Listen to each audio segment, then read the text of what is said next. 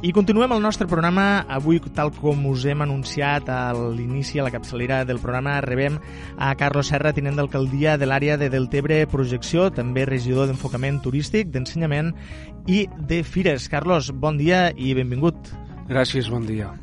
Avui eh, has vingut eh, perquè et van demanar que vinguessis per parlar-nos de diversos temes. Ets, eh, la teua àrea abasta, abarca un, un espectre molt ampli de temes que afecten el nostre municipi un dels quals, el primer, Carlos, del qual eh, m'agradaria parlar és el tema del, del turisme, un tema que aquest estiu la, el sector turístic ha viscut probablement el millor estiu en molts anys però que no ha estat exempt de, de dificultats, no? en un estiu que s'ha vist molt afectat pel tema que tots sabem, la pandèmia de la Covid-19.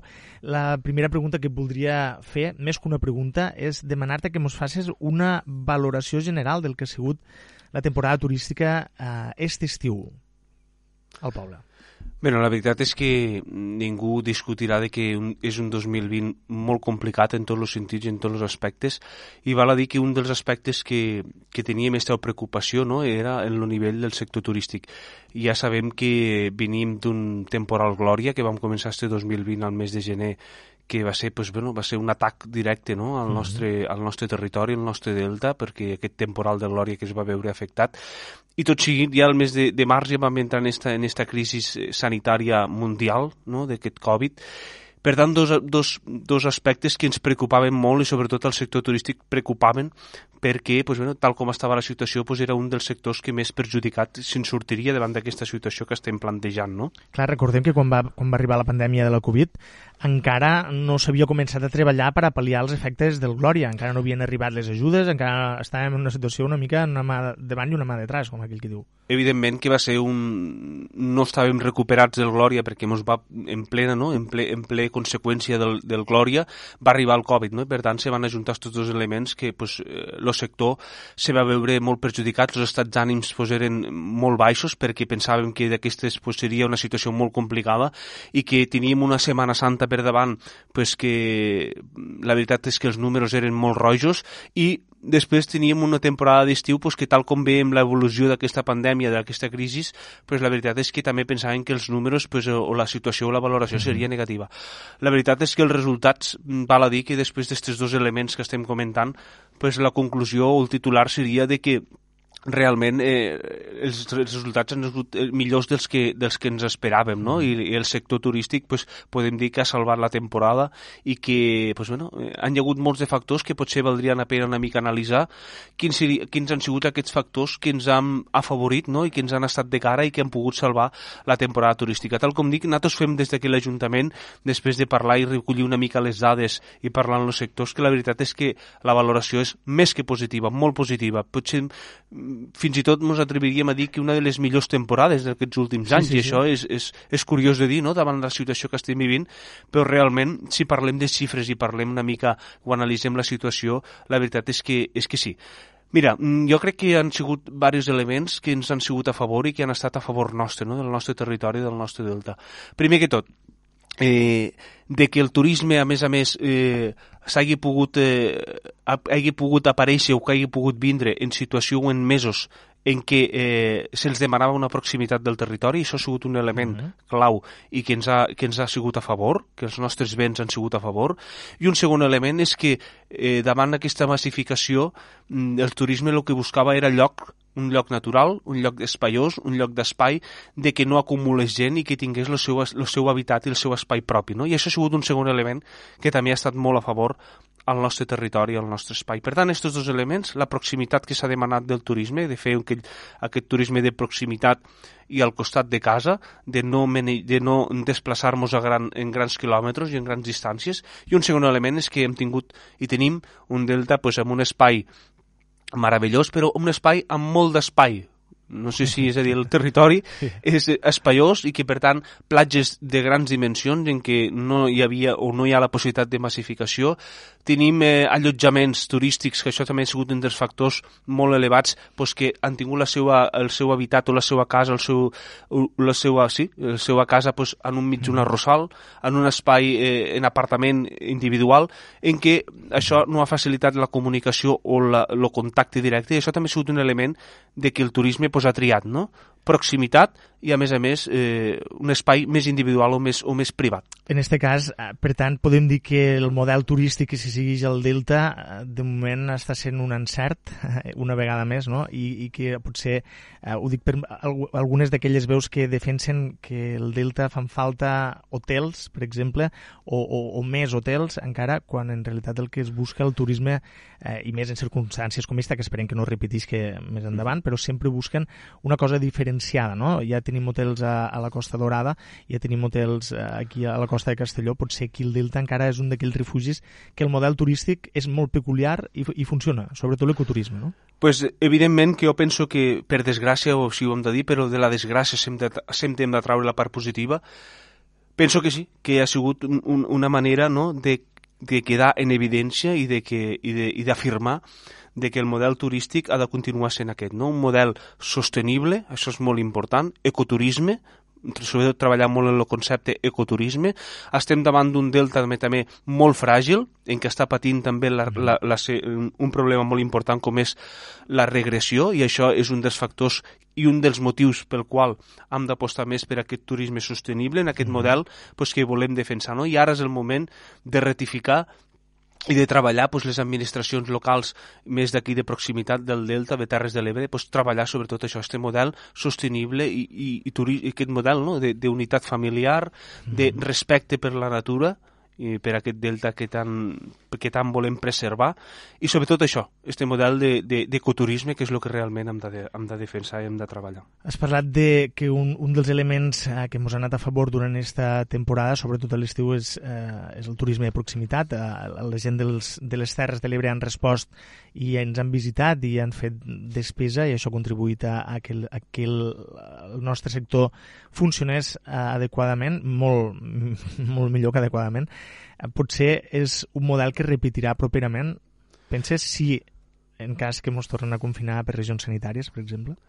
Mira, jo crec que, que serà un model que a partir d'ara ha, ha tingut una iniciativa i que ha tingut i que ha començat i que continuarà, perquè eh, aquí al Delta, concretament a Deltebre, ja sabem que tenim un turisme eh, estranger, i això també val a considerar, un turisme sí. sobretot francès i alemà, que, clar, esta temporada per aquest turisme ha sigut, no ha sigut tan bo, perquè ja sabem que les restriccions sanitàries pues, eren les que eren, no? Uh -huh. Era una situació que demanaven pues, evitar al màxim els desplaçaments i que el turisme sigui de proximitat, però això ha tingut la seva part positiva, com el que estem dient, perquè eh, ens ha vingut turisme de proximitat, en turisme doncs, de Tarragona, de la província de Tarragona, que um, curiosament, no, a la millor és turisme que no s'havia plantejat mai sí, sí. visitar no, la proximitat. I, pues, bueno, això t'ha donat compte de que coneixen el territori de proximitat i que s'han desplaçat a 80 quilòmetres de casa i que tenen pues, una gran riquesa, no? En aquest cas pues, han descobert el Delta de l'Ebre. I això ens hem trobat molta gent, eh? molta gent de, de les comarques de Tarragona,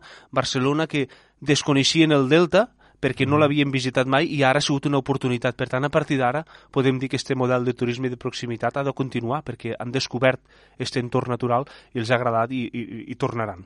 Podem dir que per Setmana Santa un dels punts forts de la temporada turística tot el sector es va aturar, eh, podem dir-ho pràcticament tot el sector se va aturar. Uh -huh. eh, després de l'estiu, quan van, abans, abans de Sant Joan, quan se van obrir les fronteres, diguéssim, de regions sanitàries, va permetre el trànsit per tot Catalunya la cosa es va activar, va anar molt bé, hem tingut un estiu fantàstic i ara de cop arriba la tardor, comença a haver-hi repunts de casos, brots, eh, es comencen a incrementar de nou els contagis i anem de nou al tancament total. Restriccions primer en, en el gremi de la restauració, cosa que no sé si estàs d'acord, és el motor principal de les nostres terres a l'hivern.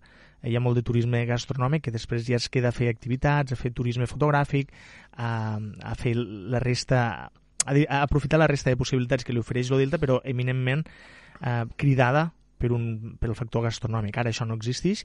Com se planteja, com, què hi ha en perspectiva de cara a aquesta temporada de tardor-hivern? Si la cosa segueix eh, en aquestes restriccions aplicades al sector de la restauració i l'hostaleria. Clar, la veritat és que és una situació molt complicada. És a dir, venim, tal com diem, d'una Setmana Santa que va ser nula, zero. Mm. Eh, el que és la temporada d'estiu pues, l'hem salvat després de la situació i podem donar gràcies a la situació que estem vivint, però clar, el problema el tenim ara.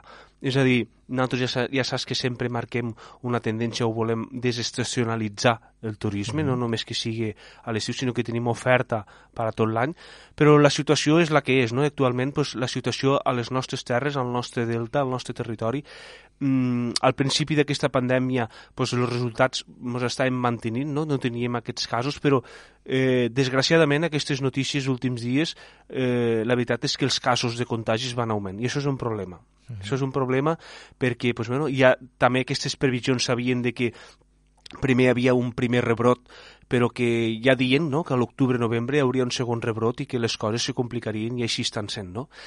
Això és complicat perquè, clar, el turisme en aquest cas, pues, eh, poder poder treballar en desestacionalitzar el turisme no? i poder fer vindre el turisme quan, les nostres, quan els nostres EPIs, les nostres eh, dades estan en què la, aquests eh, casos estan pujant, pues és complicat. No?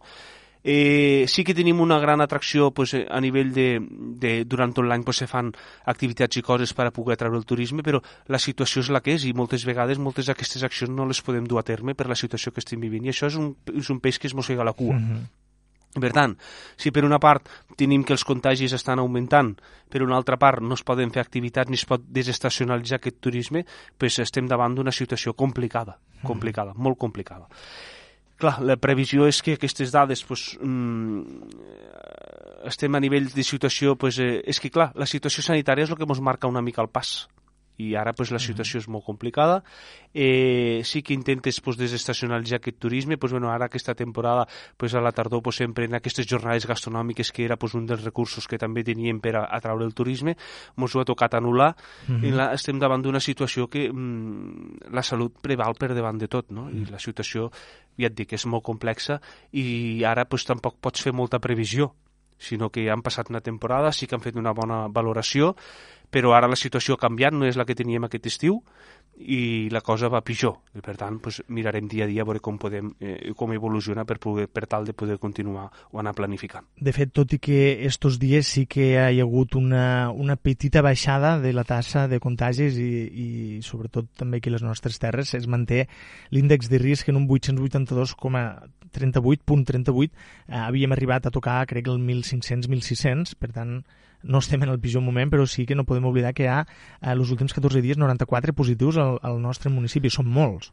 És que, clar, estem parlant de que estem parlant d'aquestes dades que ha baixat una mica aquesta, aquesta gràfica a nivell del Terres de l'Ebre, però eh, pel contrari, a nivell municipal estan pujant les dades sí. i això és, això és un problema que eh, és greu i que cal pues, la responsabilitat de tots i totes perquè està baixant, però a nivell municipal estem pujant. Ara parlarem d'estos contagis una mica vinculats en una altra àrea de la qual eh, tu n'ets el responsable, que és l'àrea d'ensenyament. Abans de tancar el capítol pel que fa a l'àrea d'enfocament turístic, eh, respecte a aquestes restriccions que ara mateix hi ha al sector de la restauració, què us agradaria que passés? Eh, què creieu que hauria de canviar? Què voldríeu que la Generalitat eh, permetés per a donar una mica d'aire al, al sector. Ahir, per exemple, a la secció que fem amb Gustavo Turón, al Rebost, eh, alguns, eh, per exemple, Juan Pinyana, la presidenta de l'Associació d'Hostaleria de les Terres de l'Ebre, deia allò no?, que diu el sector, volem treballar, volem treballar. M'imagino que des de l'Ajuntament heu fet una mica de, de pressió no? a, a, a la Generalitat en aquest sentit per permetre una mica eh, alguna apertura perquè no és el mateix, evidentment, el que passa a les Terres de l'Ebre que el que passa a, a Barcelona, per, dir alguna cosa, o a les grans ciutats.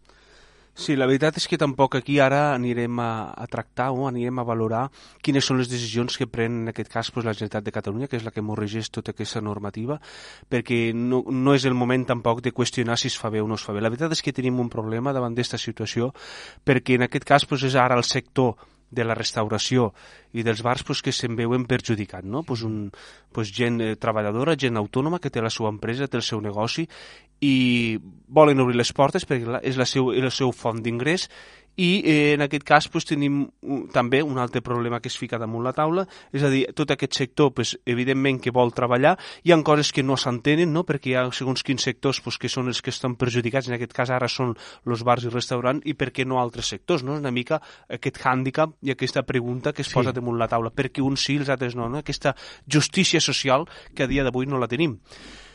En cap cas tampoc discutirem quins són eh, aquestes mesures o aquestes decisions o aquests sectors que ells creuen, no? perquè suposo que aquestes mesures que, que han pres s'han pues, tingut de basar pues, en uns estudis o en uns agent uh -huh. pues, que, professional no? que saben una mica o que entenem que tenen que saber sobre aquest aspecte i que eh, en aquest cas pues, veuen o consideren oportú aquest tancament. Nosaltres el que podem dir des de l'Ajuntament de Deltebre és que estarem, eh, en aquest cas, pues, també la regidoria d'acció comercial de, en què la regidora Ingrid eh, Santiago pues, està al capdavant i també pues, de tot l'equip de govern, és que estem al costat de tot aquest sector i que, i que pues, estem estudiant mesures pues, per poder ajudar des de l'Ajuntament de Belteve pues, a, a pal·liar o almenys pues, amortiguar una mica pues, aquesta problemàtica que tenen.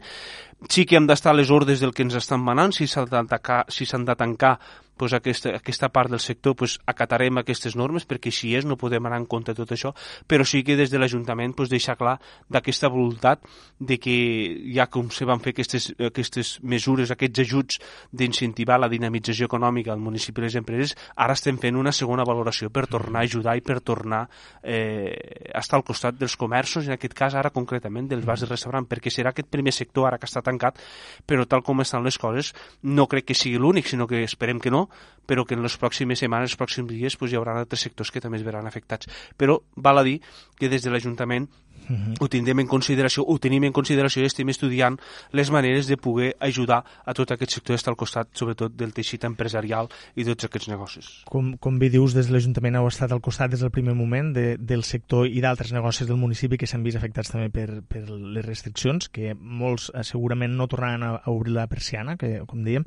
Eh, us heu plantejat demanar també ajudes específiques per al sector de la Generalitat? A veure, la Generalitat ja trau, eh, ja trau aquestes mesures, eh, ja trau diferents ajuts destinats a aquestes empreses i a aquests sectors. Nosaltres el que fem aquí és recollir aquesta informació i transmetre-la també a totes eh, aquestes empreses perquè estiguin al corrent, tot i que segurament que ja estan, però nosaltres reforcem i fem aquest vincle entre Generalitat i, i, i el particular no? i l'empresa perquè arriben aquestes ajudes i mm, la Generalitat evidentment però aquestes ajudes pues, moltes vegades eh, són insuficients o hi ha tanta, no? I són tanta gent pues, al país pues, que les mesures, les ajudes són les que són, per això pues, eh, intentem estar, no? aquesta administració local de proximitat com és l'Ajuntament, pues, per almenys complementar o ajudar en la part que poguéssim. Val a dir que som una administració local, el que és el pressupost és el que tenim, tampoc podem, no tenim la màquina de fer diners, però sí que d'alguna manera pues, intentem, no, almenys pues, intentar ajudar en tot allò que, que poguéssim i que estigui al nostre abast i a la nostra disponibilitat. Carlos, tornem un moment al turisme. Abans ens ha quedat una qüestió pendent. Este estiu, com tu dius, ha anat molt bé, ha sigut una temporada excel·lent tan excel·lent que pràcticament el Delta ha estat a un pas de morir d'èxit, que es diu, no? Massificació a diverses zones, fins i tot ens hem trobat els, els locals, no? els habitants de, del municipi, que a l'hora d'anar a les nostres platges preferides, els nostres racons preferits, per arribar doncs, teníem una cua de, de mig quilòmetre de, de cotxes, no? O, per exemple, quan feies eh, el camí que porta des del restaurant dels Bascos fins al far, allò, com, com s'ha dit i s'ha fet ja un mantra, no? apareixien les Rambles. A altres municipis, com ara Amposta van decidir prendre mesures de cara a la temporada que ve i restringir l'accés, per exemple, a la platja del Trabucador. Encara no està clar de quina manera es farà, potser si els locals tindran eh, preferència davant dels turistes o no, ja ho veurem. No sé si des de l'Ajuntament de Deltebre heu pensat, heu previst alguna actuació en, en este sentit. A veure, la situació aquesta, o aquest tema és bastant, bastant complex, bastant eh, complicat. Sí que és un tema que ha d'estar damunt la taula i està damunt la taula perquè bueno, ja sabem per una part que som un municipi, som un, un territori que som acollidors, no? que obrim les portes i som persones eh, que ens agrada que la gent pues, ens visite, a més a més un dels motors econòmics pues, és el turisme i l'hem de cuidar aquest sector, però sí que per altra part o al mateix temps o paral·lelament mostrem que aquesta massificació pot ser perjudicial. I pensem en el moment que estem, eh, tal com dic, un tema complex, però més que prohibir, creiem o es creu o pensem que més que prohibir s'hauria de replantejar o ordenar. No? Regular, potser. Regular, més que prohibir, regular. Eh, hi ha un pla d'ordenació de platges en què s'està estudiant també eh, per a poder reestructurar ja sé en un dels llocs on hem tingut més massificació, tal com comentaves, doncs, era a les platges, perquè tenim la platja de la Marquesa, en tot aquest camí de, de, a la punta de, de la, del, del Fangar, eh, la platja de Riomar, que no tenim aquest problema perquè és una platja més mm-hmm. massificada, més, perdó, més, més ampla, i a més a més doncs, també està el nucli de Riomar per poder eh, l'accés de les passarel·les és diferent, però sí que hi tenim un problema a la bassa de l'Arena, el que seria la platja de la Marquesa, perquè el seu accés Exacte. és complicat. Per exemple, Riomar, per anar a la platja, pots deixar el cotxe no només al passeig, no als carrers eh, perpendiculars. Dins al, al nucli dins de Riomar. I, I no generes problemes ni costa més arribar a la platja. En canvi, en aquest cas, la Marquesa, els cotxes aparcats a la carretera permetien, no permetien arribar i descarregar, per exemple. Este sí que és un punt, un punt negre, en aquest cas pues, la platja de la Marquesa, per, eh, per això s'estudia i s'està damunt la taula i s'està treballant des de l'àrea també mm, del que seria el regidor Joan Lucas, de platges, pues, aquest pla d'ordenació en què ens permetrà en els pròxims anys eh, poder treballar i poder ordenar o planificar i estructurar pues aquest, no, aquest accés, perquè és una platja pues, que té el seu entorn, el seu encant, és una atracció natural per als turistes i per aquella, i també no només per als turistes, sinó per a la gent que hi residim, que hi som d'aquí, sí.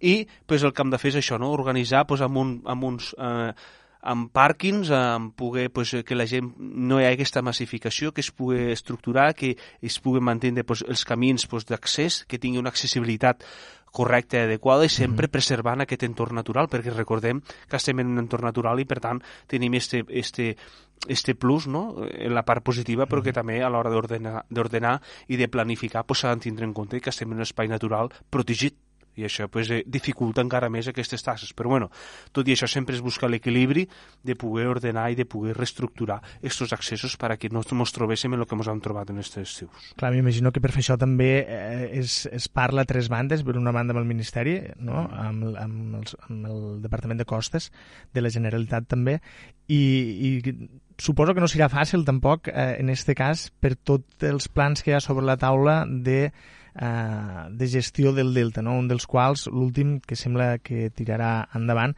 és este pla de, de recuperar terreny, no? d'expropiar, entre cometes, territoris als pagesos que tenen els, els arrossars més a prop de la platja. En tot cas, això és un altre tema. Esperem que la platja de la Marquesa continuï existint l'any que ve i en poguéssim tornar a, a parlar. Carlos, si et sembla, deixem el tema de, del turisme, no sé si vols uh, afegir alguna cosa més en aquest capítol, i parlem d'un altre tema que ens preocupa i que ens interessa més, aviat, que és el tema d'ensenyament. Tu ets regidor d'ensenyament i t'has trobat també en guany amb una situació excepcional. Al març es van aturar les classes, fins al juny, eh, que va haver-hi un intent de tornar, no? però la cosa va anar... Vaja, va ser un, un intent. I després, al setembre, amb l'arrencada del curs, que diguéssim, bueno, ha tingut eh, llums i ombres d'entrada. Quina valoració ne pot ser d'este 2020 pel que fa a, a l'àrea d'ensenyament aquí al nostre poble. Bueno, la valoració penso que és igual que la del tot lo del sector del, de l'ensenyament, eh, tota la comunitat educativa, pues, eh, la preocupació, és a dir, hi ha molta preocupació, molta angoixa, eh, estem davant pues, d'una situació pues, és complexa, però el tema de l'ensenyament pues, també ho és, no? perquè pues, no? tot l'alumnat i tots els xiquets i xiquetes pues, acudixen a aquests centres escolars, un lloc pues, on se concentra pues, tota la, tots els xiquets del municipi, totes les xiquetes del municipi, i són llocs d'abundància, de molt de trànsit, de molta gent, i de, mm, un, podem dir que un possible focus de contagi.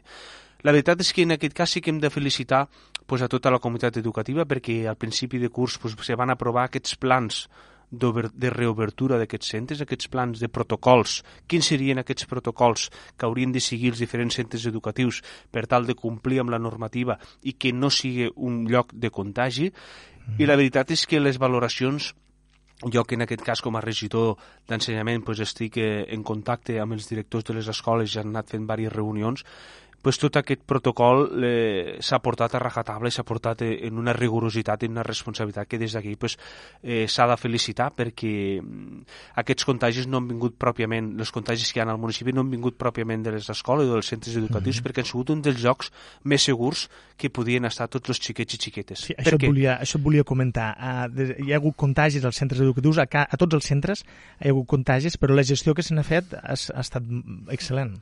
El que s'ha de dir és que han hi hagut contagis, hi han hi hagut classes confinades, eh, ara concretament doncs, tenim l'escola Riomar en què dels nou grups que hi han sis grups, és a dir, quasi un 85% de l'escola avui, a dia d'avui, està confinada. Són 120 alumnes? No sí, aproximadament unes 100, estem parlant d'unes 120 famílies, aproximadament.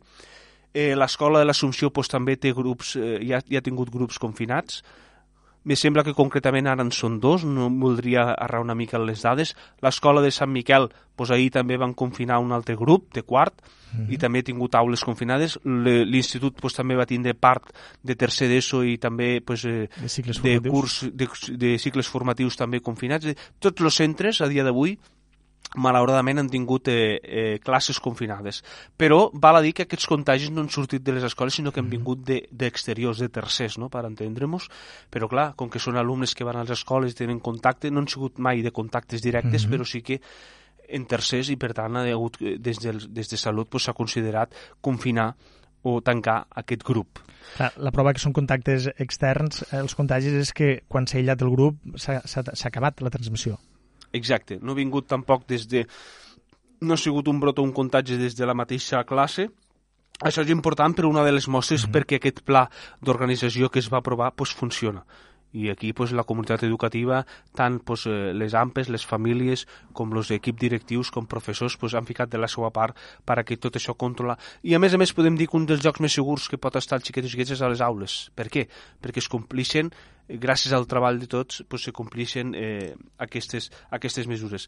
L'altra cosa pues, que també val a considerar pues, és que la preocupació no, que hi ha hagut, perquè moltes vegades pues, el departament pues, eh, per aquesta falta pues, eh, a la millor pues, de facilitar material, desinfectants, EPIs, pues, tot això ha hagut una mica de, de problema, no? perquè no ha arribat potser el material suficient o perquè no s'han donat els recursos suficients i aquí hi ha hagut una batalla no? pues, entre entre les classes, el dia a dia, perquè la realitat és molt diferent del que es pot eh, preveure, del que es pot planificar, però bueno, l'Ajuntament sempre hem estat al costat de tot allò que han necessitat, i vull dir, jo estic en contacte directe amb els directors, amb mm. reunions eh, eh, pues, periòdiques pues, per a poder, eh, i bueno, estem en contacte, en contacte, vull dir, pues, si hi ha cap positiu, si confinem, tot estem al dia d'aquestes notícies i hem estat al costat i seguirem estant al costat pues, donant-los suport i en tot allò que necessiten pues, l'Ajuntament sempre hem estat eh, a disposició, no? perquè la situació és complicada, és complexa, però eh, l'obligació nostra pues, és estar al seu costat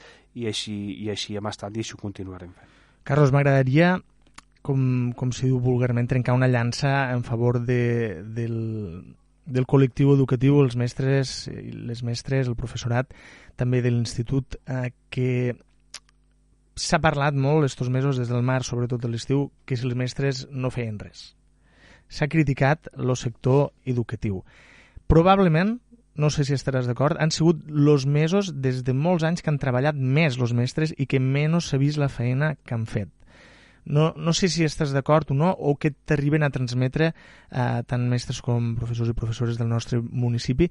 Si, si és així, eh, des d'aquí m'agradaria reivindicar la feina que han fet que fan i que encara els queda per fer mentre dura eh, tot això de, de la pandèmia.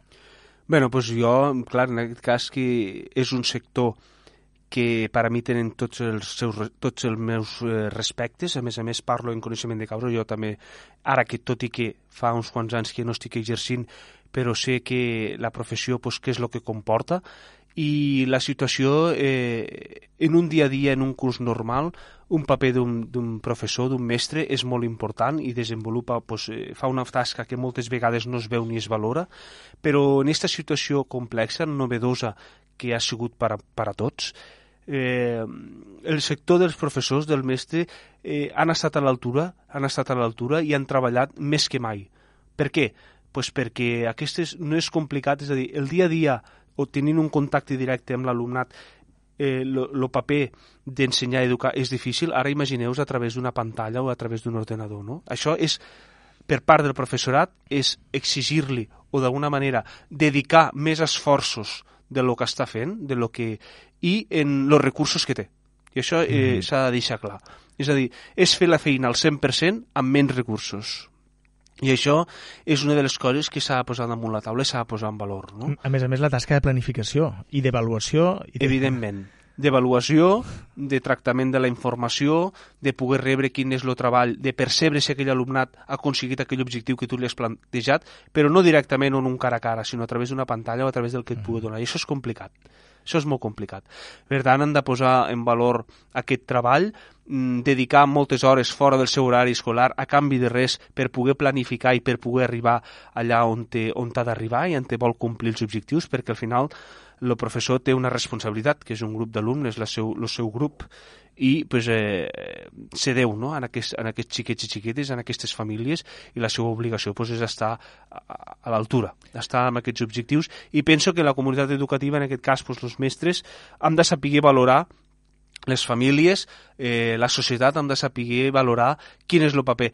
Eh, discu no discutirem i evidentment que en tots els respectes el sector sanitari ha fet un paper excel·lent, excel·lent lo, tot el personal de seguretat, Creu Roja, mobilitat, tot això, excel·lent, excel·lent. Però també eh, aquest aplaudiment també hauria de ser en part per al sector educatiu, uh mhm. -huh. perquè tot aquest sector... Se mos oblida a vegades, no? Que és, és tan oblidat i que pareix que sigui com una obligació, sí que és una obligació de totes aquestes persones que són professors i que ens dediquem al món educatiu, però sí que ha de veure aquest valor mm, afegit, no? de, de, de responsabilitat, de saber el que porten entre mans i de la seva entrega al màxim. Quines són les principals reivindicacions que, que t'han fet, eh, que han fet de cara a, a l'Ajuntament, a l'administració, eh, tant els directors i directores dels centres educatius com la resta de professorat, si és que n'han fet? Bé, el que demanen bàsicament és poder... Eh, sí que són conscients de que la situació pues, eh, moltes vegades no es pot organitzar perquè no es pot planificar perquè ja se sap que la planificació i l'organització en tots els àmbits de la vida va molt bé, però hi ha moments que la planificació i l'organització mm, són imprevisibles mm. i no es pot evitar. Però dins de tot això sí que demanen, pues, sobretot, no, eh, escoltar i estar al suport, és a dir, pues, que facilitar tots aquests materials, aquest material de, de desinfectants, EPIs, sobretot aquest augment de professorat, perquè pues, de poder, pues, aquestes ràtios no? que siguin grups pues, amb uns ràtios eh, limitats i, o que siguin uns ràtios reduïts i això comporta pues, fer desdoblaments i per tant ampliar el professorat per a què? Per a que els grups bombolla, per a que no hi hagi massificació i que poguéssim arribar a tot l'alumnat. No? Una mica és el que demanen sobretot això, la previsió en quant a, a, a que el departament, pues en aquest cas que és el que té l'obligació, pues estigui a l'altura de que, de que els doni aquests ajuts econòmics per poder pal·liar totes aquestes despeses que puguin tindre i que no hagi de ser els romanents dels seus, perquè el romanents s'ha d'invertir en qualitat educativa, Clar. no només en material desinfectants o en tot allò per a l'organització del centre. O material informàtic. O material informàtic, ara a més a més és una de les coses que s'està posant damunt de la taula, eh, ja que s'han de confinar aquests grups, però sobretot facilitar aquests eines digitals a totes les famílies i això, pues, aquests ordenadors, aquestes connectivitats, que tot això es va començar però que es va parar, però ara hem d'estar al dia perquè les coses se poden complicar i es poden confinar molts grups i no ens podem permetre en cap moment que un confinament de 15 dies o d'aquests temps eh, no estigui preparat l'alumnat per a treballar des de casa. Sembla que avui la Generalitat ha començat a repartir finalment esto, este material informàtic, estos mòdems o routers inalàmbrics per poder-te connectar des de casa, estos ordenadors. Eh, tens coneixement si des d'alguns centres d'aquí del poble s'han demanat? Sí, evidentment que pues, s'han començat a, a desenvolupar aquests plans. Per què? Pues per això, no? per a quan ens trobarem davant d'aquests grups confinats poguéssim estar i que no haguéssim d'acabar aquest confinament i encara esperant aquest material. No? El que demanen és això, aquesta rapidesa, aquesta efectivitat, perquè estem parlant de moments, d'hores, de minuts en què la situació canvia i per tant eh, hem d'estar a l'altura i hem de donar aquest servei. Però s'ha demanat des, de, des sí. dels col·legis. Val. Uh, Carlos, um, acabarem, no sé si vols afegir alguna cosa més en aquest capítol d'educació. Bueno, més que res, pues, eh, això, no? pues, eh, felicitar pues, novament a, a la comunitat educativa, sobretot demanar molta responsabilitat, més que també felicitar, a part de felicitar, sí.